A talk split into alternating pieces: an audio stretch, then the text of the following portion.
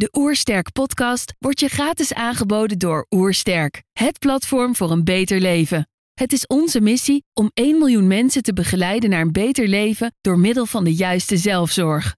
Wil je weten hoe jij kunt werken aan een beter leven? Ga dan naar www.oersterk.nu gezondheidscheck voor onze gratis gezondheidscheck. En krijg direct jouw uitslag met persoonlijk advies. Mijn naam is Paula van der Werf en je luistert of kijkt naar de Oersterk podcast. Je hebt een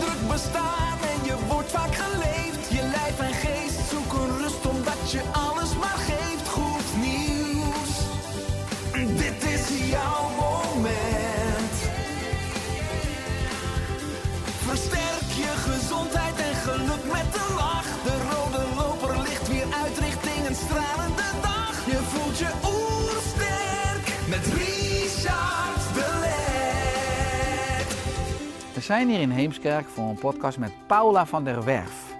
Paula is psychologe en psychica-instructeur. Ze is auteur van het boek Neem de regie over jezelf. Ik ben benieuwd naar haar tips voor een beter leven. Trouwens, geniet je van onze podcast? Abonneer je dan en laat een reactie of review achter. Zo help je ons om het gezondheidsvirus te verspreiden. Let's start. De Oersterk Podcast. Een ontdekkingstocht naar een beter leven. Paula, welkom. Dankjewel. Op je homepage staat: verander je overtuigingen, verander de uitdraai van je leven. En wat bedoel je hier precies mee? Nou, eigenlijk precies wat het zegt. Ehm, als jij bepaalde overtuigingen hebt, dan ga je die eigenlijk zelf waarmaken. En hoe weet je dat je de verkeerde overtuigingen hebt, is als jij de uitdraai van je leven, dus jouw werkelijke leven op het moment van dat je opstaat, niet leuk vindt. Dan heb jij blijkbaar overtuigingen die jij niet leuk vindt. En dat is ook het goede nieuws. Dus als jij je eigen overtuigingen transformeert, ga jij jouw uitdraai van het leven veranderen. Ja, nou laten we daar een uurtje wat dieper induiken. Want eronder staat op de website: Psychica is een eenvoudig proces om belemmerende overtuigingen en stress aan te pakken op onderbewust niveau. Het is cruciaal dat je op onderbewust niveau transformeert. Hierdoor verander je je oude programmering. Loopt iedereen met een soort kramp, dus oude programmering rond? Ja. Behalve als je ouders verlicht waren. Want dan heb je geen oude programmeringen doorgekregen. Ook trans- Doorgekregen. Ja, dus ook transgenerationeel bedoel je, via, via je ouders. Via je ouders en via, via de lijn, zeg maar. Hè. We doen het al zo, ehm, zo lang. Dus zo wordt het gewoon doorgegeven. En dan zeggen sommige mensen, het zit in je genen. Maar dat is een, ja, een kip en het ei verhaal. Ze geven het door op de manier zoals zij het hebben ontvangen... als ze het niet zelf hebben getransformeerd. Mhm. Ja, want als ik ga kijken naar jouw levenspad. Je ontdekte Psychica in 2013. Je was toen psycholoog arbeid en gezondheid. En het lukte je niet om de hulpvraag van de cliënt in zes sessies op te lossen. En je ging twijfelen aan jezelf. En toen? Nou ja, en eigenlijk wat je al zegt is, is heel mooi. Het idee, ik had het idee dat ik het op moest lossen voor mijn cliënt. En nu ik psychica doe, begrijp ik dat ik niks op kan lossen voor de ander. Dat de ander dat zelf doet. En dat geeft zoveel rust. Dus het enige wat ik hoef te doen is dat te faciliteren. Ehm, maar goed, even terug naar dat verhaal hè, van, die, van, die, eh, van die cliënt die bij me kwam met een hele duidelijke hulpvraag. En dat ik dus mislukt was als psycholoog. Nou, zo voelde het toen ook. Het was echt het type ideale cliënt. En zelfs met die cliënt lukt het mij niet om haar te helpen en iets op te lossen.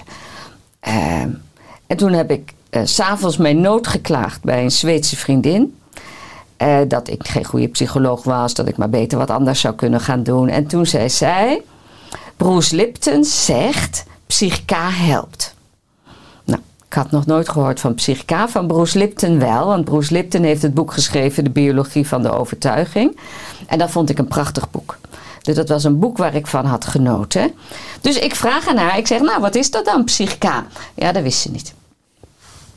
Ehm Vervolgens ging ik googlen wat is psychica en dan stond er iets zeer onwaarschijnlijks. En dat was dat je in vijf minuten een diep gewortelde, belemmerende overtuiging zou kunnen transformeren in een ondersteunende overtuiging. Nou, ik ben opgeleid als psycholoog en ik weet dat is een typisch broodjes-aap-verhaal. Dat kan helemaal niet, want zo werkt het niet. Maar Bruce Lipton had gezegd dat het werkt. En dan denk ik, ja, die man is toch een wetenschapper. Dat is toch geen suffert die zich wat op de mouw laat spelden. Dus op kracht van Bruce Lipton en mijn vertrouwen door dat boek ben ik de workshop gaan volgen. En na de eerste workshopdag had ik zoiets van: ja, maar wij psychologen hebben helemaal niet begrepen hoe gedachteverandering werkt. Wij denken dat we moeten roeren in het verleden, dat er veel gehuild moet worden. Ehm, en tegenwoordig weet ik dat alles wat je aandacht geeft groeit. Dus als je heel veel gaat roeren in het verleden, wat gaat er groeien? Die nare gevoelens. En die nare gevoelens zetten de verkeerde apotheek aan. En daar heb je niks aan, weet ik nu. Maar zo was ik wel opgeleid, dat dat wat nodig is. En toen ik merkte tijdens al die eerste workshopdag hoe makkelijk het was om gedachten te transformeren, ja, toen was ik om in ieder geval. Ja, want je ontdekte dat psychica sommige problemen dus in vijf minuten kan oplossen. Ja. Wij vroeger uren, dus weken of maanden aan sessies hè, met iemand werkten. En dan werkte het nog steeds niet. Ja. Maar hoe was dat ook om nou ja, als psycholoog dan op dat punt te komen met een, een nieuwe techniek? Heerlijk. Heerlijk. Dus dat was heerlijk voor mezelf. A, eerst voor mezelf. Want ik wist wel waar mijn problemen zaten, maar hoe los je ze op vervolgens? Hè? Dus in Psychica maken we onderscheid tussen het onderbewuste en het bewuste niveau. En ons bewuste weet wel beter. Ons bewuste zegt dat moet je niet doen. Waarom doe je dat nou alweer? Maar het onderbewuste niet. Het onderbewuste blijft doen wat hij altijd heeft gedaan totdat hij wordt geprogrammeerd. En dat kan je maar tot op zekere hoogte bijsturen met je bewuste geest. Die onderbewuste heeft een veel krachtigere processor, dus die breekt daar doorheen op een gegeven moment. Dus voor mij was dat heerlijk. Dat ik nu eigenlijk in sneltreinvaart mijn eigen ontwikkeling ter hand kon nemen. Want ik wist wel waar het zat. Ik had het alleen nooit efficiënt geherprogrammeerd. Ik had er kopingsvaardigheden op losgelaten. Hè? Want dat is wat je als psycholoog doet. Iemand komt met een probleem en dan zeg je, nou weet je, voordat je dan reageert, tel eens tot tien. Of je geeft hem heel veel andere informatie. En dat noemen we dan psycho-educatie. En dat is ook zinvol om te doen. Maar het transformeert niet op onderbewust niveau. Die olifant, ik vergelijk het onderbewuste graag met een olifant. Omdat hij groot, dik en eigenwijs is, zeg maar. En veel schade kan aanrichten als je hem niet kadert, als je hem niet leidt. Precies, hè, die olifant in de porseleinkast. Ehm, dus het is fijn als jij van je olifant je beste vriend maakt. Als jij tegen je olifant zegt: Dit wil ik graag van je. En die olifant vindt het best. Want de olifant weet gewoon niet beter. Ja, maar toch als ik dan kijk naar je levenspad. eh, je hebt een dubbele bachelor psychologie en onderwijskunde behaald in Israël. Een master in de sociale psychologie aan de Harvard Universiteit in Amerika. Eh, ook nog een master in de klinische psychologie van de Universiteit Leiden. Dus je bent jaren bezig geweest, dan misschien een beetje om expert te worden in dat roeren in het verleden en het herhouden van het verleden. En hoe kijk jij dan nu naar deze nou, ja, klinische, mentale insteek om ook mentale problemen aan te pakken? Want, want je bent natuurlijk op een andere afslag gegaan. Ja, ehm, eigenlijk heeft het me nooit zo heel veel gebracht in het één op één werken met mensen. Dus daarin heb ik altijd al andere afslagen geprobeerd dan wat je tijdens de opleiding hebt geleerd. Ehm, want je krijgt niet zo heel veel praktische handvatten tijdens de opleiding. Ehm, en, en veel dingen zijn, nou ja, hopeloos ouderwets. Dus we gaan erover praten. Dus wij gaan praten. Als jij problemen hebt, dan gaan wij samen praten over jouw problemen. En het beste waarop ik kan hopen als psycholoog, is dat jij inzicht krijgt in waar het nou vandaan komt, jouw problemen. En vervolgens. ehm, gaan we kijken of jij kopingsvaardigheden kan leren om inderdaad ander gedrag te kunnen laten zien. Die, waar jij meer aan hebt. Nou, en met Psychica is het heel anders dat je werkelijk het onderbewuste transformeert zodat je als vanzelf ander gedrag laat zien. Het is niet meer moeilijk, het is niet meer een worsteling.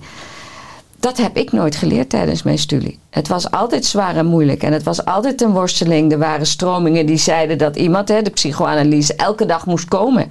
En dat er vrij geassocieerd moest worden. En dat je vooral heel veel moest uitspinnen over dat verleden. Eigenlijk was, waren ze het er allemaal over eens dat je het vooral over het verleden moest hebben. En Psychica zegt juist: het is helemaal niet interessant waar iets vandaan komt. Je hebt het nu, je hebt er last van. En dan komt de wondervraag. En de wondervraag is: wat wil je dan wel? En de wat wil je dan wel geeft de oplossingsenergie. En die oplossingsenergie is de energie waarmee je kan transformeren. Niet de energie van het probleem. De energie van het probleem is een laag vibrerende energie. En de oplossingsenergie is een hoog vibrerende energie. En hier kan je mee transformeren. Hier niet. Dus eigenlijk wat wij altijd deden in de psychologie, weet ik nu, is gewoon fout. Zie je inmiddels dat de psychologieopleiding ook transformeert en dat er ook nieuwe technieken en stromingen zoals psychica in uitgenodigd worden, zodat die opleiding ook praktischer en holistischer wordt om meer mensen te helpen met mentale problemen? Het is een hele starre, een star instituut. Toen ik net psychica had ontdekt, was ik natuurlijk van wow, dit moet iedereen weten. En waarom weten wij psychologen dat niet? En toen ben ik naar mijn professor gegaan en ik zeg tegen haar, weet je, ik had een effectiviteitsstudie voor haar gedaan voor mijn master klinische psychologie. En ik zeg tegen haar, ik zou nou zo'nzelfde effectiviteitsstudie willen doen over, met psychica en maakt me niet uit welke andere stroming. Want ik zie gewoon elke dag eh, welke veranderingen er gebeuren met mijn eh, cliënten. Terwijl er daarvoor, nou ja, niet zoveel gebeurde. Hè. De manier waarop mensen afscheid nemen, zijn met tranen van dankbaarheid en hoe blij ze wel niet zijn dat ze dit nu kunnen doen. Dus ik zeg tegen haar: maakt me niet uit welke. Ik zou zo'n effectiviteitsstudie volledig gratis willen doen. En toen zegt ze: ja, maar Paula, dat kan niet zomaar. Ik zeg: oh. Nee, zegt ze, als jij een studie wil doen met mensen en die problemen hebben, dan moet dat via een universiteit en een professor en een ethische commissie. En die gaan dat niet doen. Ik zeg, waarom gaan ze dat doen? Ze zegt, nou, die moeten gepubliceerd kunnen worden. En psychica kennen we niet. Dan komt die in een tijdschrift. Nou, Kafka, Catch 22. Dus dat was wel dat ik dacht van, oh, dat is jammer. Maar dan komt het wel organisch. Maar het is natuurlijk heel jammer dat de reguliere gezondheidszorg kampt met wachtlijsten. Eh, mensen met vreselijke problematiek die nu geholpen willen worden, die niet geholpen worden. Eh, terwijl ik weet, er is wel degelijk een methode die snel en effectief kan werken. En ik ga er niet over. Ja, wat je zegt, de GGZ is overbelast. Zo'n 80.000 mensen staan op wachtlijsten in Nederland. In hoeverre kijken je oude vakgenoten, dus psychologen, hoe kijken die naar psychica? Wat voor reacties krijg je zoal? Ehm, ze vinden het leuk voor mij dat ik zo enthousiast ben. Ehm, ik heb wel wat lezingen gegeven voor eh, psychologen die zelfstandig werken. Ehm, een enkeling komt de workshop doen, dus een enkeling gaat het gebruiken in zijn werk. Ehm, en de reacties die ik ook wel hoorde was: ja, maar als wij in vier sessies ehm, klaar zouden zijn, wat is dan mijn verdienmodel? Hoe moet ik als psycholoog dan geld verdienen? Dus, dus dat is er één, hè? want je bent in vier sessies heb je met psychica echt heel veel gedaan. En anders als psycholoog, hoe lang ben je dan gemiddeld bezig?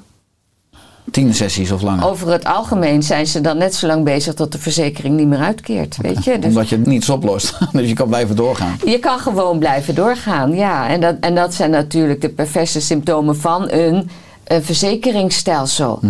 Ehm, ja, en als je in de tweede lijn wordt opgenomen, dan kan je heel veel sessies krijgen. En dan zit daar geen limiet meer aan. Ehm, dus, dus ja, en ik zou het heel fijn vinden als psychica in het pakket kwam te zitten, zodat het ook bereikbaarder werd voor mensen. Want ik kreeg veel mensen die belden en zeiden: Mag ik dan met jou eh, eh, sessies komen doen? En dan zeg ik: Ja, natuurlijk mag dat, maar ik word niet vergoed. Wil je dat wel? Nou, dat willen ze wel, maar geld hebben ze niet. Dat is natuurlijk heel jammer. Mhm. Ja, dat zou natuurlijk enorm prettig zijn als het dan voor iedereen toegankelijk zou worden. En niet mensen met een grote portemonnee. Hè? Eh, ik merk, en dat hoor ik ook terug uit je passie nu, dat psychica een grote invloed heeft gehad op je professionele leven. Wat is de invloed op je persoonlijk leven geweest? Ja, eigenlijk alles. Ehm, ik heb heel veel vrede in mezelf. Ehm, ik zie dingen niet meer als een probleem, maar als een uitdaging. Ik was zelf erg defensief. Dus als iemand kritiek op me had, en het was al snel kritiek wat mij betreft, ehm, dan, eh, dan kwam ik naar voren zo van: oh ja, dat zullen we nog wel eens zien. Eens kijken of ik een, een klap met, verbaal, niet eh, fysiek, eh, verbaal terug kon verkopen. die behoefte heb ik niet eens meer. Dan denk ik: oh, wil jij het graag zo? Nou, prima toch? En als ik dat niet prima zeg, dus vind, dan zeg ik nou, ik zou dat graag anders willen. Dus het, is, het is al die punten van strijd uit het verleden. Ik had ze allemaal zelf bedacht. Ja, dus psychica heeft ook ervoor geleid dat je persoonlijk dus getransformeerd bent door al die uh, technieken ook op jezelf toe te passen. Ja. Absoluut. Ja. Want als ik me verdiep in psychica, uh, de grondlegger was een marketeer, uh, Rob Williams uit Amerika. En die kreeg in de vorige eeuw een ingeving. En toen? Ja, hij was op dat moment geen marketeer meer. Hij had al een master gedaan in, nou ja, een coachingsopleiding, zeg maar. Ik weet niet precies wat hij had gedaan, maar hij had al omgeschoold. Hij was erg teleurgesteld geraakt met corporate America, dus, dus hoe dingen daar geregeld waren. Um, dat gaf hem geen zingeving. Hij werd daar niet blij van. Toen is hij zich om gaan scholen om met één op één met mensen te gaan werken. Um, en toen gingen er wat dingen mis in zijn leven. En hij had echt zoiets van: oké, als het dit niet is, wat dan wel? En toen kreeg hij, nou wel iets meer dan een ingeving. Hij noemt het ook gewoon een download. Hij kreeg gewoon um, eigenlijk de kernovertuigingenbalans voorgeschoteld. En de kernovertuigingenbalans is een hele grote oefening. Waarbij je uh, onder druk van de manier waarop het is opgezet. heel veel transformatie. Uh, uh, kan bereiken. En dat is een hele ingewikkelde balans eigenlijk. En hij zegt, ik heb het letterlijk mee kunnen typen. Dus het kwam zo binnen dat hij het letterlijk heeft kunnen meetypen. Terwijl die eigenlijk niet visueel is, maar auditief. En hij zegt, ik heb geleerd als ik visuele beelden krijg, moet ik opletten.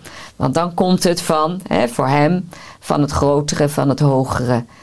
Uh, ja, en vervolgens, wat was geniaal aan Rob Williams, had hij zo'n grote ingewikkelde balans opgeschreven. En hij zat daar naar te kijken en hij dacht, wat moet ik hier nou mee? En toen is hij het gaan doen met de mensen die bij, hem in de praktijk kwamen. Nou, en toen ontdekte hij hoe geniaal het was, hoe transformatief het was, hoe blij mensen waren als ze terugkwamen, hoe helend het was. Ja, en toen heeft hij zich ten doel gesteld om dit psychica gedachtegoed, de integriteit ervan te bewaken ehm, en door te geven. Ja, mooi, want je benoemde net Bruce Lipton. Uh, Bruce Lipton, auteur van de biologie van de overtuiging, fantastisch boek, sprak vaak op congressen en over dat het, dat het, het brein uh, niet per se de celkern is, maar de celmembraan. En dat je daar groot impact op hebt met emoties en gedachten en dat je, je jezelf kunt reprogrammeren. En dan kwamen er vaak vragen uit de zaal, maar hoe dan? En daar had hij dan geen goed antwoord op en wilde hij eigenlijk zo snel mogelijk het podium weer af.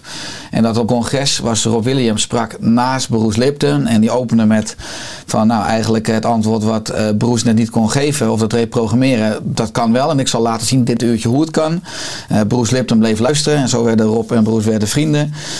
Uh, en Bruce Lipton, inmiddels ook groot fan van Psychica, die zei op een conferentie in 2014: Psychica vertegenwoordigt een van de meest belangrijke, efficiënte, effectieve en snelle veranderingsprocessen die we vandaag de dag tot onze beschikking hebben op onze planeet. Uh, hoe belangrijk is Bruce Lipton voor Psychica? Ja, Bruce Lipton is onze grootste marketeer.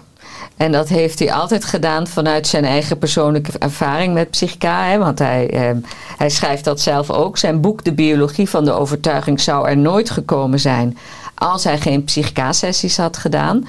Omdat hij nogal wat belemmeringen ervaarde over het publiekelijk maken van zijn eigen gedachtegoed. Want hij wilde graag erkend blijven worden door zijn eigen beroepsgroep. En hij was bang dat ze dat niet meer uh, zouden doen. Als bioloog? Als, ja. als bioloog en als wetenschapper. Um, maar toen hij dat eenmaal had getransformeerd, had hij binnen de kortste keren eh, binnen drie maanden dat boek geschreven. Want in zijn hoofd was dat boek er al lang. Maar hij kreeg het niet op papier omdat er blokkades waren.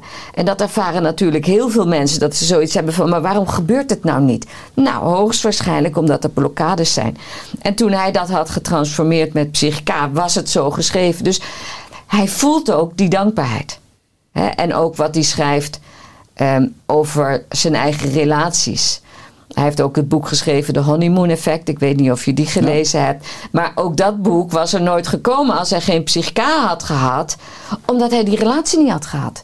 Hij had eerst nodig om de belemmeringen met betrekking tot relaties te transformeren. Voordat hij open stond voor, nou ja, de goddelijke relatie die hij nu heeft. Ja, mooi, want bijna iedereen of iedereen heeft eh, onderbewuste saboteurs, zou je kunnen noemen.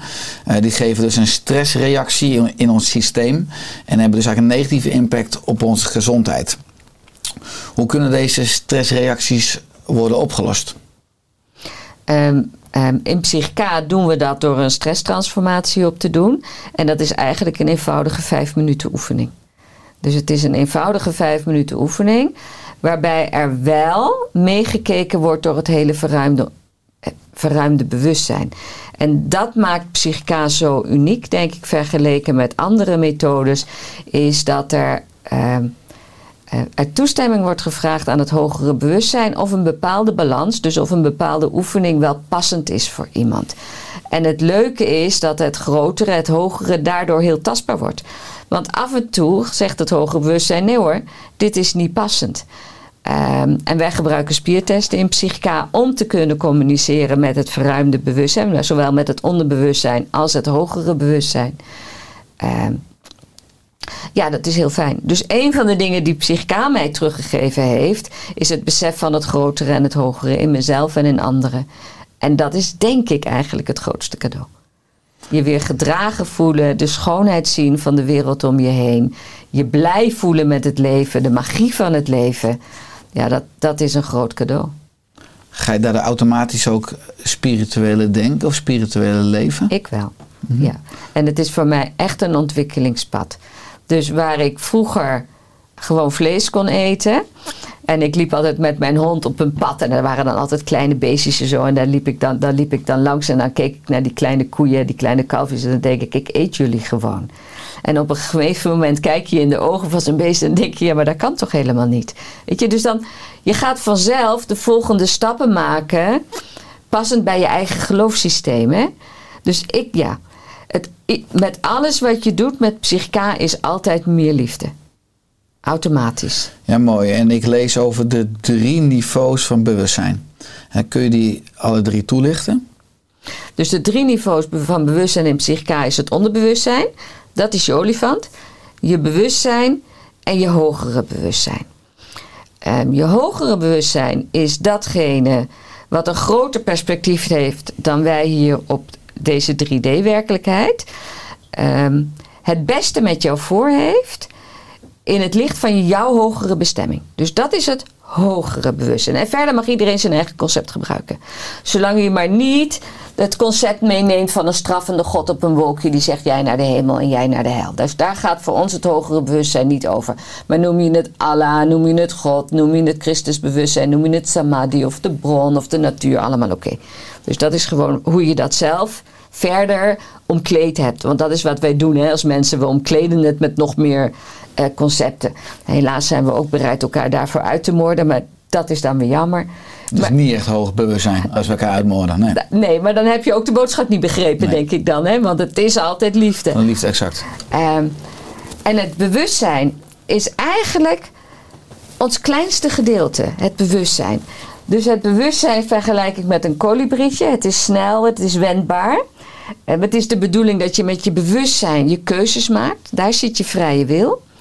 Ehm, daar kan je ook kijken van heb ik de doelen gehaald die ik halen wil. En het onderbewustzijn is eigenlijk waar alles opgeslagen zit. Al je normen, al je waarden, al je overtuigingen zitten allemaal in jouw onderbewustzijn. En het grootste gedeelte van dat reservoir em, erf je eigenlijk van je ouders en je omgeving om je heen. De eerste zeven levensjaren staan wij wijd open om dingen te leren. Zonder daar kritiek op te kunnen hebben. Dus we nemen het gewoon aan. Hè. Als wij thuis in Jezus geloven, dan zeg ik niet bij de buren geloven ze in Allah, laat ik dat ook eens doen. Nee, jij gelooft in Jezus. Dat, dat, dat is geen vraag. Dat is gewoon. Zo doen wij dat thuis. Je kopieert het. Je kopieert dat gewoon en je neemt het aan als waar. Dus daar worden geen vraagtekens bij gezet. Maar dat betekent dat jouw onderbewuste, jouw olifant, het ook aanneemt als waar. Nou krijgen wij gelukkig van onze ouders ook heel veel mooie dingen mee. En helaas krijgen wij ook dingen mee waarvan je zegt, ja, daar hebben we niet zoveel aan. Dat belemmert ons in het leven. Nou, en ah, die dingen, die wil je transformeren. Ja, want zijn er mensen zonder belemmerende overtuigingen en angsten? Ik geloof dat mensen zonder belemmeringen en angsten kunnen worden.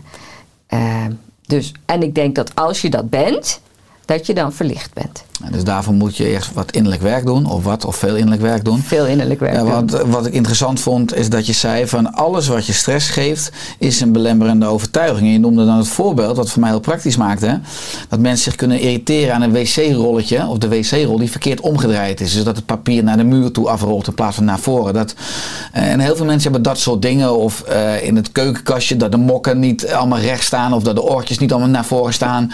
En die zetten het allemaal recht. Maar dan kan je al spreken van een een, een negatieve overtuiging omdat dat je stress geeft. Het, het, is niet, het is niet erg dat jij het mooier vindt om al die oortjes zo te zetten. Wat erg is, is dat je je erbij ergert als anderen het niet hebben gedaan. Want dat zet bij jou van binnen de verkeerde apotheek aan. Ja. En dat is stress. De verkeerde apotheek aanzetten, dat is stress. Ja. Ja, dus die apotheek die kunnen we beter gebruiken. Uh, nou, Psychica maakt gebruik van ons verruimde bewustzijn, lees ik ook, versus het cognitieve bewustzijn. Uh, want inzicht zorgt niet voor verandering, zeg je. Uh, hoe kunnen we als mens ook in onze manier van leven ons bewustzijn meer verruimen? Omdat we ook zoveel stress hebben, omdat we zo druk zijn. En dan bevinden we ons vooral in dat dagelijkse bewustzijn, hè? in dat, dat smalle stukje. Nee, dat denk ik niet. Ik denk dat wij ons vooral het grootste gedeelte van de tijd in ons onderbewustzijn bevinden. Dus we bevinden ons in dat onderbewustzijn. En ons onderbewuste draait onze automatische piloot.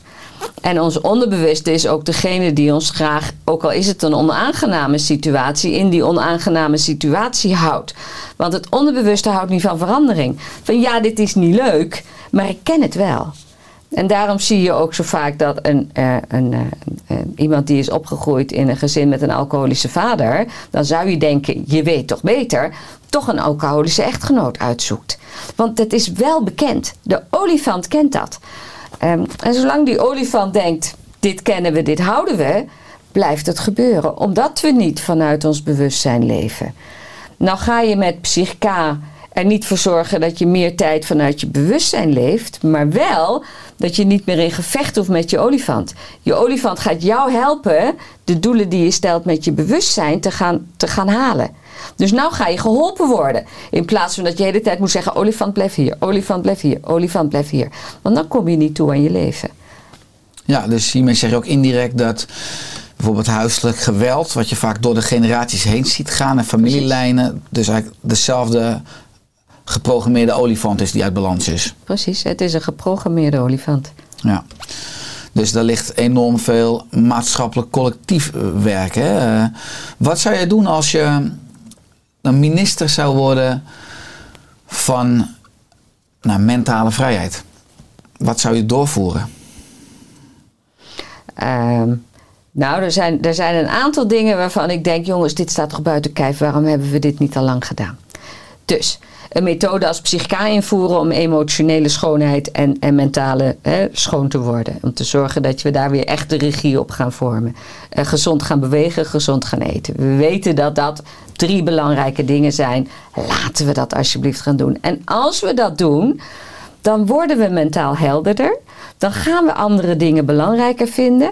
Dan, dan houden we vanzelf op bepaalde dingen te doen, omdat we dat gewoon helemaal niet meer willen. Dus daarmee creëren we een betere wereld. En dan zouden we al vroeg mogen starten, want je noemde de eerste zeven jaar van het kind, bijvoorbeeld in het basisonderwijs, om kinderen daar al. Laten we, laten we op die tweejarige leeftijd al gewoon beginnen. Dat de belasting al veel minder is als ze zeven jaar worden.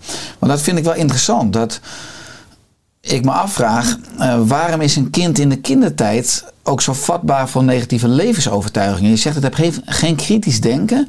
Het neemt alles aan als waarheid. Wat heel veel energie uitspaart natuurlijk. Want kinderen hoeven niet alles af te vragen. Dus je kan al nou ja, een makkelijke start aan het leven beginnen waar je heel veel kennis en heel veel informatie nodig hebt. Maar waarom heeft de evolutie ons ook niet beter beschermd? Want nogmaals, nu hebben we ook allemaal, dat is eigenlijk het, de prijs dan, hebben we allemaal negatieve overtuigingen. En ook allemaal eh, rommel aan conditionering in onze onderbewuste rugzak zitten. Ja, ik vind het een mooie vraag. Ehm, ik begrijp van mensen die naar hersengolven kijken dat je in die eerste zeven levensjaren veel theta-golven hebt. En dat zijn de hypnotische golven die het jou dus mogelijk maken om heel snel dingen te leren. Maar ik vind het geen fout. Het is hartstikke fijn dat wij in staat zijn zo snel dingen tot ons te nemen. Want stel je voor dat we dat niet deden. Je moet leren lopen, je moet leren zitten, je moet leren praten, je gaat leren lezen. Je, gaat, je leert gewoon heel veel. Ehm, maar weer, we leven in een maatschappij die erg stressvol is. Waar wij biologisch gezien niet helemaal voor gemaakt zijn. Dus mensen hun emmertjes lopen vol. En, en ik geloof dat mensen vroeger toch meer in balans leefden. Ze leefden meer in harmonie met de natuur. Ze leefden meer in harmonie eh, met, met hun omgeving. Het is niet zoals nu. Ik denk dat het een onnatuurlijke situatie is om 24 uur per dag in steen te blijven zitten. En niet naar buiten te komen en niet je lijf te gebruiken. Ik denk dat dat zo niet bedoeld is. Ja, nu geef je een voorbeeld. Hoe zouden we de maatschappij ook breder beter kunnen laten aansluiten op onze biologie? Je zegt enerzijds dus, ga wat vaker de betonnen jungle, of nou je huis of de stad is, ga de natuur in. Want we zijn, hè, we zijn ontwikkeld als homo sapiens in een natuurlijke context. Maar verder ook natuurlijk als je kijkt naar cognitieve druk. De hele dag natuurlijk dat we met schermpjes en computers, acht uur werkdag. We zijn kenniswerkers. Misschien ook niet helemaal optimaal natuurlijk hoe we biologisch ontwikkeld zijn. Ja, en, en, en we hebben dan ehm, allemaal van die nepstressoren bedacht eigenlijk. Hè? Dus als iemand, eh, als je baas het kantoor binnenstapt, dan gaat iemand volledig op tilt, want die zal wel weer kritiek geven en daar kan je niet tegen. En we reageren erop alsof er een, nou ja, een mammoet voor ons staat of zo. Want dat verschil is biologisch wordt er niet gemaakt. We reageren alsof er een werkelijke iets vreselijk angstigs op ons afkomt, waar wij nu voor weg moeten rennen of gaan vechten. Nou, dat is niet waar. Dat is wat er intern in onszelf gebeurt. En als je dat doorhebt en dat transformeert, dan wordt dat in ieder geval weer rustiger. Mhm. Ja, want er zijn zeven levensgebieden. Lees ik dan hè, vanuit Psychica. Zelfbeeld, relaties, spiritualiteit, welzijn, werk, interesses en hobby's. Dan zullen er Oh nee, wacht, sorry. Zes zijn interesse en hobby's en zeven is vernieuwing. Er zullen er best wel meer zijn, maar dit waren de zeven die wij konden bedenken. Ja. ja. Ehm, wat zijn eh, veel voorkomende belemmerende overtuigingen die je op deze zeven gebieden ziet of hoort? Nou ja, belemmerende overtuiging die mensen hebben is: ik ben niet goed genoeg. En mensen zijn niet goed genoeg. En wat doen mensen dan is: ik ben goed genoeg als. Dus dan krijg je die voorwaardelijk goed genoeg zijn. Ik ben goed genoeg als ik aardig ben voor mensen. Ik ben goed genoeg als ik een goede kostwinner ben. Ik ben goed genoeg als. Eh, En zolang ze dat maar lukt om dat te doen, om aardig te zijn, om een goede kostwinnaar te zijn, gaat alles goed. Maar stel je nou voor die goede kostwinnaar wordt ontslagen en opeens is hij dat niet meer. Daar gaat zijn hele basis als goed genoeg zijn. En dan gaan mensen vaak door hun fundamenten heen. En dan komen ze in de burn-out terecht en dan kunnen ze niks meer aan. Ehm, dat komt omdat er kernwaarden geraakt werden, waarmee ze, waarmee ze altijd hebben, ge- hebben geprobeerd die te compenseren. En als dat opeens niet meer lukt, ja, dan gaat het mis. En dan gaat het flink mis. Ja, je noemt nu een universele overtuiging die heel veel hoort. Ik ben niet goed genoeg, hè, of Ja. ik ben niet geliefd, of ik word niet gehoord. Precies. Eh, waardoor gezien. je voorwaarden gaat creëren om nou, uiteindelijk dat gat maar te vullen die je niet kunt vullen met externe omstandigheden. Eh, wat zijn opbouwende tegenhangers? Eh, dus als je die transformatie aangaat, waar komen mensen dan uit? Heel gemakkelijk. Ik ben goed genoeg. Ik mag er zijn. Ik ben welkom. Ik doe ertoe. Om dat werkelijk echt in alle rust te kunnen zeggen. En dat werkelijk te geloven, ook met je onderbewustzijn. Ach, dat is zo weldadig. Want ik kan me voorstellen dat dat soort transformaties, die we nu in een minuutje uitspreken, maar een diepgaand effect kunnen hebben op eh, de persoon. Wat ik ook zelf altijd ervaren heb. Omdat ook als je kijkt naar het leven dat mensen hebben, of het werk dat mensen hebben, kan in dienst staan van een negatieve overtuiging. Of om te bewijzen aan papa of mama dat ik, eh, dat ik wel mag zijn. Of dat ik wel goed genoeg ben. Als je dat dus allemaal niet meer nodig hebt, dan kan je dus ook radicale, nou, tenminste in het perspectief van misschien eh, de buitenwereld, andere eh, keuzes maken en je leven radicaal anders in gaan richten. Zie je dat ook terug in de praktijk? Dat mensen veel meer de weg van hun hart dan durven te gaan volgen? Ja, ja. Ja, en ik heb in, in deze nog zelf wel, vind ik, een geinig voorbeeld. Ehm, ik ben het vierde meisje in, in ons gezin. En als vierde meisje had ik oudere zussen die van alles konden. En dat ik niet kon natuurlijk. Dus ergens zit er in mijn systeem vastgezet, ik ben dom. Dus ik had, ik ben dom in mijn systeem staan. En daarom heb ik als zoveel eh, diploma's verzameld in mijn leven. Dat was eigenlijk allemaal om te bewijzen dat ik niet dom was. En nu ik mezelf niet meer dom ben, want ik heb gewoon gedaan, ik ben slim, heb ik geen behoefte meer om dat soort uiterlijke bewijzen te verzamelen.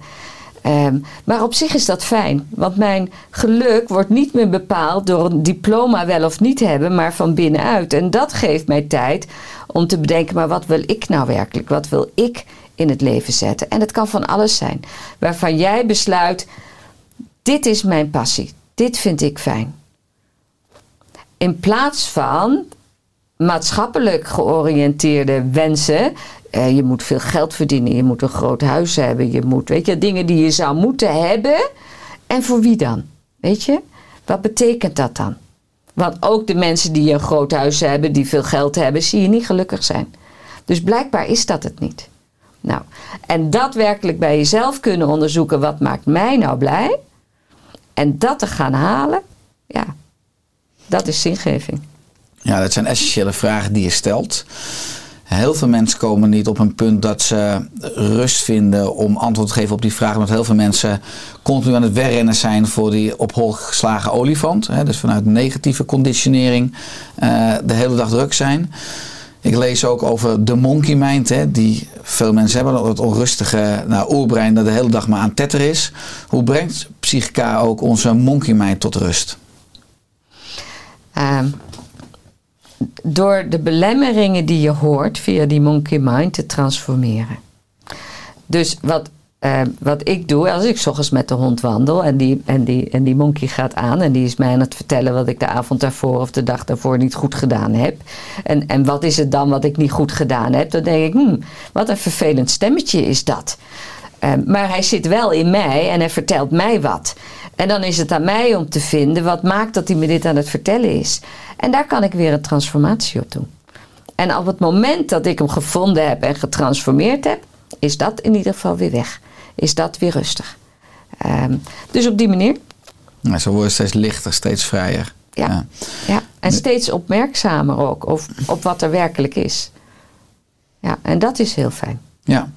Nou, als we het hebben over die onbewuste saboteurs, is dat natuurlijk iets wat bij mensen voorkomt. Dus zowel bij vrouwen als bij mannen. Mm -hmm. Nu zijn mannen vaak wat terughoudender hè, met betrekking tot mentale therapieën. Ik begrijp dat dat bij psychica juist vaak anders is. Wat we zien in, wat ik zie in mijn workshop is dat het een derde, twee derde is. Dus een derde mannen en twee derde vrouw. Dus er zijn nog steeds meer vrouwen die bereid zijn aan hun persoonlijke ontwikkeling te werken. Ik denk dat het voor mannen toch vaak gezien wordt als zwaktebod. Terwijl voor mij natuurlijk het juist het omgekeerde is van een zwaktebod.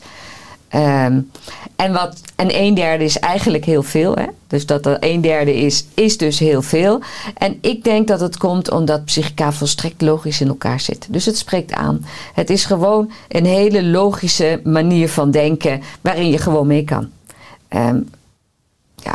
Niet te zweverig voor mannen dus. Precies. Ja. Ja, want je benoemde net uh, de olifant en de kolibrie. Uh, nou, het onderbewustzijn wordt in je boek uh, vergeleken met een olifant. Je innerlijke apotheker noemde je ook al. Hoe hangt de olifant samen met de apotheker, die dus continu stofjes aanmaakt, hoe we ons voelen en hoe gelukkig we zijn? Hoe kunnen we die koppeling beter begrijpen, maar ook beter gebruiken? Dus als ik geloof dat ik niet goed ben zoals ik ben, dan zet ik de, de verkeerde innerlijke apotheker aan. En dat kan je voelen omdat je de kramp gaat voelen in je lijf. Weet je? Je voelt je niet blij en vrolijk en een winnaar. Weet je, dat, dat is weg. Als je dit doet, kom je in de goede apotheek terecht. Als je dit al voelt doen, denk je, oh ja, nou kom ik in de verkeerde apotheek terecht. En dat zijn eigenlijk al fijn als je de lichtste signalen gaat ontdekken van, oh, ik kom in de verkeerde apotheek terecht en het daar transformeert.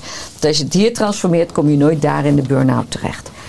Ehm, en als je dat dus transformeert, zit je weer in de goede, in de goede apotheker. Ja. Ja. en je noemt eh, blij, vrolijk en een winnaar. Dat zou dus een basisstand mogen zijn waarop je de dag doorgaat. vind ik wel. Ja, in vrede. Ja, In eh, innerlijke rust. innerlijke rust. Ja. En als je je gewaar wordt, je noemt opmerkzaamheid van hé hey, verrek, hier is weer een saboteur. Eh, kun je dan op een gegeven moment met Psychica ook zelf transformeren? Of heb je er altijd een, een begeleider, een instructeur bij je voor nodig? Nee, en dat is het mooie. Dus als je de basisworkshop doet, dat is een driedaagse workshop, dan leer je het met jezelf doen en je leert het met anderen doen. Er zijn ook mensen die willen het echt alleen maar voor zichzelf doen. En voor hen is er een online workshop. En dat is niet hetzelfde als de basisworkshop, maar een online. En dan kan je het echt alleen maar met jezelf doen. En dan kan je het niet met anderen doen. Ja. Ja. Dus dat is online al toegankelijk, dus heel laagdrempelig. Dat is ja. Ja. ja. Eh, je hebt een eh, psychologenpraktijk in Leiderdorp. Oh, ik ben net verhuisd naar Ruurlo. Naar Ruurlo. In het oosten van het land. Ja. Pas ik de, de, de intro gewoon aan. Zeg. Ah, ja. Je hebt een psychologenpraktijk in Ruurlo. Dit zenden we allemaal uit trouwens hoor, want het is ja. eh, zo'n eh, one-taker. En onder het logo op je website staan drie, ja, vind ik enorm krachtige woorden. Training, groei, genezing. Waarom zijn dit eh, jouw drie sleutelwoorden? Ehm, ik denk dat we een nieuwe training nodig hebben. Hè. We hebben training gehad, maar die training, ehm, een gedeelte daarvan voldoet niet en wil je van veranderen. Dus je hebt een training nodig om deze ehm, verouderde programmering te kunnen herprogrammeren. Als je dat doet, ga je groeien. En als jij gaat groeien, ga je jezelf genezen. Dus, dus dat is het tritsje. Vaak willen mensen die genezing onmiddellijk ontvangen zonder eerst dat groeistadium door te hoeven. Ja, helaas, dat gaat niet lukken. Het is, eh, psychica is niet het pilletje bij de dokter ehm, en nou is je hoofdpijn weg. En ja, je hoofdpijn is wel weg door het pilletje, maar dat was slechts symptoombestrijding en dat weten we allemaal. Ja. Ja, dus dat, dat gaat eigenlijk ook over een hele andere manier, ook maatschappelijk, van kijken naar eh, evolutie en naar menselijk bewustzijn. Ehm, en dat we continu kunnen groeien en continu kunnen transformeren. Ik kan me voorstellen dat jij door psychica, eh wat heb ik ook ervaren met allerlei opleidingen die ik heb gedaan, en dat je perspectief verbreed wordt, dat je anders gaat kijken naar de politiek bijvoorbeeld. Hè. Politiek is ook interessant. Eh, eh, nou dat mensen vaak niet eerlijk zijn of dat mensen om dingen heen draaien. Of als je de krant leest of als je het 8 uur journaal kijkt met criminaliteit. Of dat je soms ook denkt aan bij personen van oké, ja, logisch dat die persoon dit doet. Want die is zo geconditioneerd of geprogrammeerd en die heeft gewoon eh, innerlijke wonden. Hoe kan jij hoe vind je daar balans in? Ik bedoel, ik merk het soms dat ik soms aan een redder ben. Ik wil de wereld redden. En ik denk, oh, als ze dit hadden geweten, als ze dit hadden gedaan, was het niet gebeurd. Hoe ga jij om met dat totale spel? Ehm, door mee te doen met de podcast, het te vertellen over psychica, eh, door een website te hebben, door workshops te geven, eh, met open handen te staan voor diegenen die willen transformeren. En ik heb geleerd niet meer te bonken op dichte deuren. Dat hoeft voor mij niet. Weet je, zolang die deur dicht is, is die dicht. En mensen mogen eerst zelf de deur openzetten. En als ze dat doen, zijn ze van harte welkom. Maar, dus ik kijk geen journaal. Ik, Eh, ik ook niet meer hoor, maar... nou, Het, het heeft geen enkele zin. Waarom zou ik een journaal kijken? Eh, de, dus ja, wat ik nodig heb. Dus als de boeren de wegen hebben afgesloten, hoor ik dat graag even voordat ik de weg op ga. Maar verder, ja, verder is het wat het is. En ik vind het op zich gunstig dat een heleboel systemen aan het imploderen zijn. Ehm, en dat mensen zeggen van, oh, maar we moeten dus voor onszelf denken. Nou, en dat is het precies. We moeten voor onszelf denken. En als we dat gaan doen, gaan we andere oplossingen zoeken. Mooi, maar daarin zit ook wel een soort berusting. Alles heeft de juiste tijd en de juiste plaats. En dat je juist niet vecht tegen het oude systeem. Of hè, dat je energie, dat je zegt het, het implodeert wel. En de tijdsgeest eh, is op een bepaald moment dan rijp genoeg. Want ik lees ook over nou, eigenlijk de spirituele evolutie van het menselijk bewustzijn. Wat is jouw rol in de spirituele evolutie van het menselijk bewustzijn? Ehm, ik denk dat eh, iedereen die psychicaat gaat doen, bezig is met zijn spirituele evolutie. Dus in die zin ehm, werk ik mee aan de spirituele evolutie van de wereld. En voor mensen die de basisworkshop hebben gedaan, hebben wij een protocol, dat noemen we het Gaia-protocol, waarmee je mee kan helpen om de spirituele evolutie van de mensheid eh, te versnellen. Hè. Dus dan wordt het weer groter getrokken, dus uiteraard op vrijwillige basis, als je dat wil doen. Dus ik denk dat ik daar mijn rol in pak. De Gaia-hypothese was natuurlijk van James Lovelock. Dit is de Gaia-protocol. Het is een protocol gebaseerd op een. eh, ehm, op een eh, dus, dus het is wat anders dan waar jij Maar nu het aan gaat erom dat, refereert. je één collectief veld hebt. Dat, dat alles één is. Dat het, dat het ook weer liefde is. Uiteraard is er uiteindelijk alleen maar één groot veld. Maar voor mensen om van waar ze nu zijn, dat gevoel van afgescheidenheid, Mhm. Eh, die verkeerde apotheek waar ze in zitten, te komen naar dat gevoel, dat zijn grote stappen. En dat zijn stappen waar ik ook nog steeds mee bezig ben. Dat is een levenslange reis. Nou maar ja, en, en sommigen zeggen wel meerdere levenslang. Dus eh, ja, Interessant, leuk. Als je het hebt over die trainingen en workshops. Wat is nou het gekste dat je daarin hebt meegemaakt? Of wat op jou de meeste impact heeft gemaakt? Eh, nou, dan vraag je een heftige vraag. En dan denk ik, ik wil mensen niet afschrikken, maar dit, dit was wel de meest heftige die ik ooit heb gezien. Op een gegeven moment, op de derde dag, eh, hebben we het over stress en hoe je de balansen die je al hebt geleerd kan gebruiken om stress te transformeren. En toen zei een meneer zei tegen mij, hij zei, ik word altijd onredelijk kwaad als ik word tegengehouden, fysiek tegengehouden of eh, eh, met woorden wordt tegengehouden. En hij zegt, ik weet dat het volstrekt onredelijk is, ehm, maar dit gebeurt er nu eenmaal. En zegt hij, ik weet waar het vandaan komt. En wat was zijn hypothese waar het vandaan komt? Toen hij geboren werd, werd hij opgehangen met de navelstreng. Dus hij kwam eruit opgehangen, helemaal blauw en dat werd losgeknipt. En toen hij anderhalf jaar was, had hij weer een ophangingservaring. Want hij was een ondernemend ventje en wilde naar zijn zusje toen hij net was geboren. En ze hadden hem vastgezet in een tuigje. Dus daar was hij weer proberen uit te klimmen, weer helemaal blauw, weer helemaal eruit geknipt moet worden. Hij zegt, nou, ik denk dat het tegengehouden werd, mij, worden mij terugbrengt naar dit soort ervaringen. En dat wilde hij transformeren. Hij zegt, ik heb alleen geen bewuste ervaring ervan. Nou, toen hebben we een stresstransformatie gedaan met de intentie om die twee vroegere ervaringen mee te transformeren. En vervolgens ehm, zit hij in de hele breinhouding. Dit is een hele breinhouding. Er is wat meer over te zeggen hoor. Maar goed, hij zit, dit is wat ik dan van hem zie. En hij zit in die hele breinhouding. Het is een emotioneel proces. En hij wordt tot twee keer toe diep paars. Vanuit het niets. Diep paars. Als ik niet zoveel vertrouwen had in psychica, dan had ik eh, een ambulance gebeld. Maar het is hetzelfde vijf minuten proces. En hij, hij laat dat dus helemaal los en transformeert dat tot op celniveau. Maar dat ik kon zien dat zijn cellen dat gewoon lieten zien, diezelfde ervaringen eigenlijk, vond ik het voor mezelf een heel bijzonder moment. Ja, want normaal is het een heel intens proces of kan het zijn voor je partner, maar jij als facilitator ziet er niet zoveel van. Je kijkt ernaar en er gebeurt daar wat, maar je weet niet wat. is in de binnenwereld. Het gebeurt in de binnenwereld. Maar nu kon ik van buiten zien, ha, hier gebeurt het, hier gebeurt het. Ja, nou, dat had ik nog nooit eerder gezien. Mooi, je hebt het dan nu over één persoon, een man. Hoe zou voor jou de wereld eruit zien als iedereen hè, zijn verantwoordelijkheid voor innerlijk werk, of dan nou met psychica of een andere deur, eh, zou oppakken? Hè? Waar zouden we dan als collectief heen groeien? Ja, dan zouden we een mooiere wereld maken. Als we op zouden houden anderen de schuld te geven van onze eigen ellende. Dus werkelijk verantwoordelijkheid pakken voor wat er binnenin jou leeft. Ophouden te zeggen, jij maakt mij boos. Nee, ik werd boos geworden en jij bent mijn trigger geweest. Dus ik kan dat weer transformeren. En als je dat doet, dan kan jij de volgende keer doen wat je wil. Maar ik word er niet meer boos van. Ja, en dat geldt ook voor andere emoties, natuurlijk boosheid, Verdriet. angst, verdriet. Precies. Want het is natuurlijk vaak zo van, nou, jij hebt me boos gemaakt, jij, door jou ben ik bang.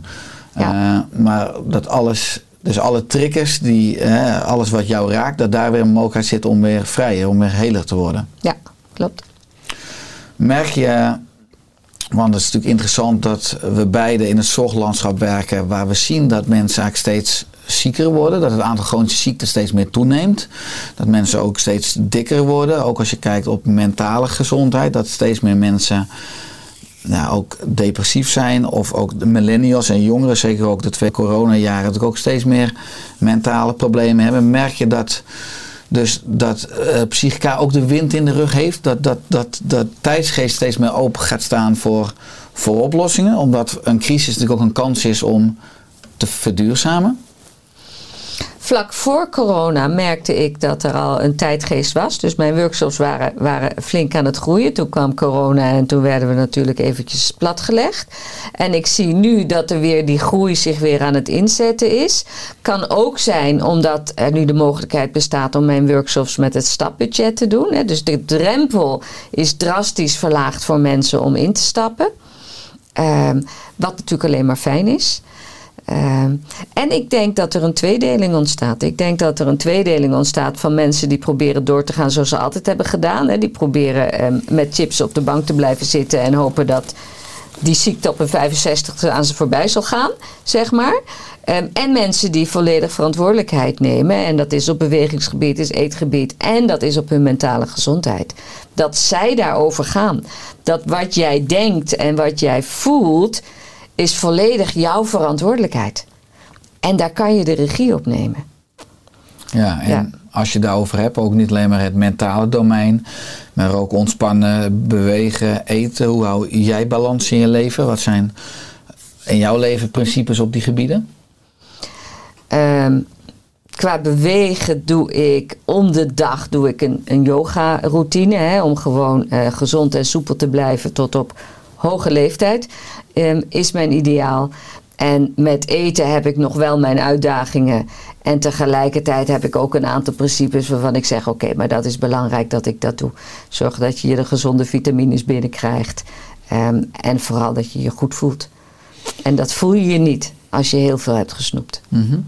Kun je alles dan eh, met psychica aanpakken? Want als je alles natuurlijk op jezelf, als je continu daarmee bezig zou zijn, zou je zeggen dat je ook verlicht bent. Of dat, je ook helemaal geen enkele blokkade meer hebt. Of omdat je net ook zegt, heel filosofisch meerdere levens. Of is het een, ook een spel waar, waar je nooit klaar mee bent, maar wat, waar levenslang dingen blijven oppoppen?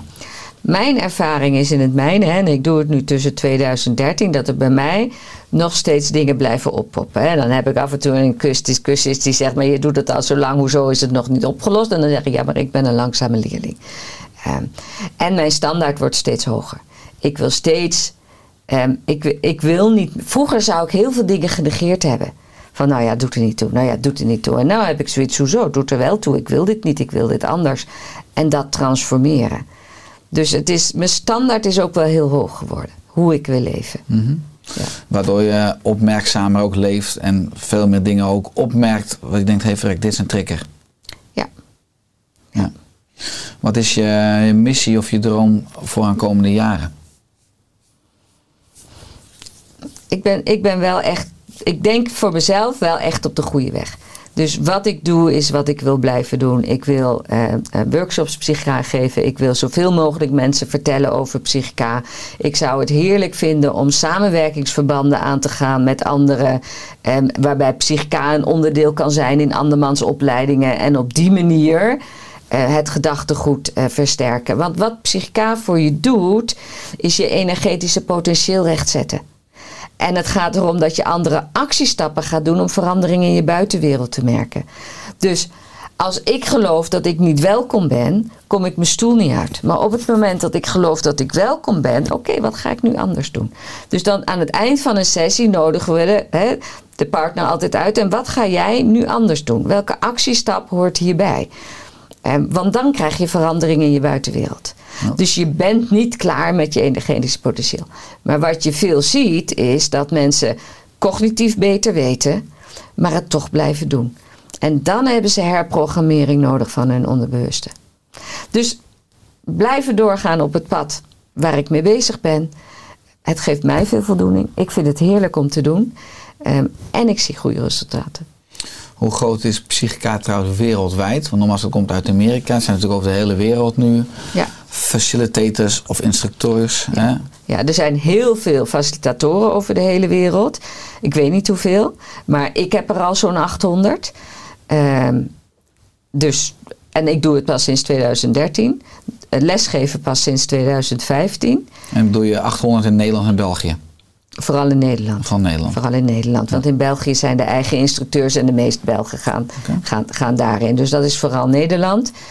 Ehm, en wereldwijd zijn er geloof ik op dit moment zo'n 30 instructeurs. Kunnen er 32 zijn, maar zoiets. Ja.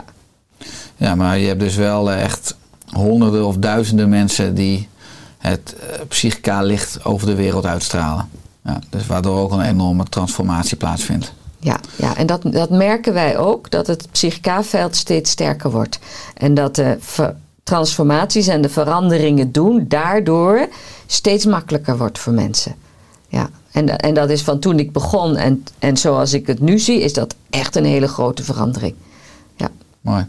En heb je zelf ook een doel van om een aantal mensen op te leiden? Je noemt 800 of zeggen van ik blijf dit gewoon doen zo lang mijn passie. Voor instructeur? Ja. Nee, daar ga ik niet over. Ik heb een licentiecontract met Murdin, dat is de corporatie van Rob Williams. En als mensen een licentie willen, dus zelf instructeur willen worden, dan, dan, dan, dan is het zaak dat ze met hem contact opnemen. Dus daar ga ik niet over. Dat zijn meer de professionals dan. En de particulieren die kunnen bij jou workshops en trainingen volgen. Die kunnen bij Ja. mij facilitator worden. Ja. Ja. En heb je daar een bepaalde Maar ambitie met mee? de professionals bedoel. ehm, de instructeur is degene die ehm, mensen opleidt om facilitator te worden. Mhm. Maar coaches kunnen bij mij natuurlijk ook gewoon eh, facilitator worden. Ja, dat kan wel via jou. Dat kan absoluut Ja. via mij. En heb je Ja. daar een bepaalde mijlpaal wat je wil nastreven of ook go with the flow? Ik heb daar niet een nummer op gezet of zo. Nee. Nou, maar wij natuurlijk vanuit Oersterk hadden, we willen 1 miljoen mensen begeleiden naar een beter leven door middel van de juiste zelfzorg. Dat was verder om een bepaalde focus te hebben, maar ook naar de buitenwereld wel een bepaalde ambitie van we zijn niet zomaar wat aan het doen, we willen echt de wereld mooier en beter maken. Maar Maar ik, dan heb ik er één. Als, als jij het zo stelt, dan denk ik, oh, maar dan heb ik er één. Ik zeg dat altijd tegen in mijn basisworkshop, als we de, het fotomoment gaan doen. Dan zeg ik, ik heb als doelstelling voor mezelf om een biljoen mensen positief aan te raken. En alle mensen die zij positief gaan aanraken met psychica, reken ik bij de mijne. Dus het is een piramidespel. En ik zie mij dus ook voor me dat alle foto's van al mijn groepen op mijn begrafenis langskomen. Ja. Dus in die zin heb ik wel een doelstelling. en dat is een oprechte wens, alle, alle harten die jij hebt aangeraakt in je leven. Ja, en de harten die zij met psychica gaan Dat gaat aanraken. exponentieel natuurlijk. Mooi, zo gaan we de wereld over. Precies. Mooi. Ja. Mooi. Paula, is er aan het einde van de podcast nog iets dat je graag wil toevoegen of aanvullen? Ehm, nee, wees welkom in een workshop zou ik zeggen. Waar kunnen mensen meer vinden over jou, over je boek, over workshops, trainingen? Ehm, op mijn website www.dewerf.net. Mooi. Dankjewel voor je komst in de Oersterk podcast, Paula. Heel graag gedaan en dankjewel dat ik hier mocht zijn. Met liefde. En dat we samen maar mogen werken met, eh, aan een wereld eh, met enorm veel mentale vrijheid en met liefde. Zo is dat. Alle goed. Jij ook. Dankjewel.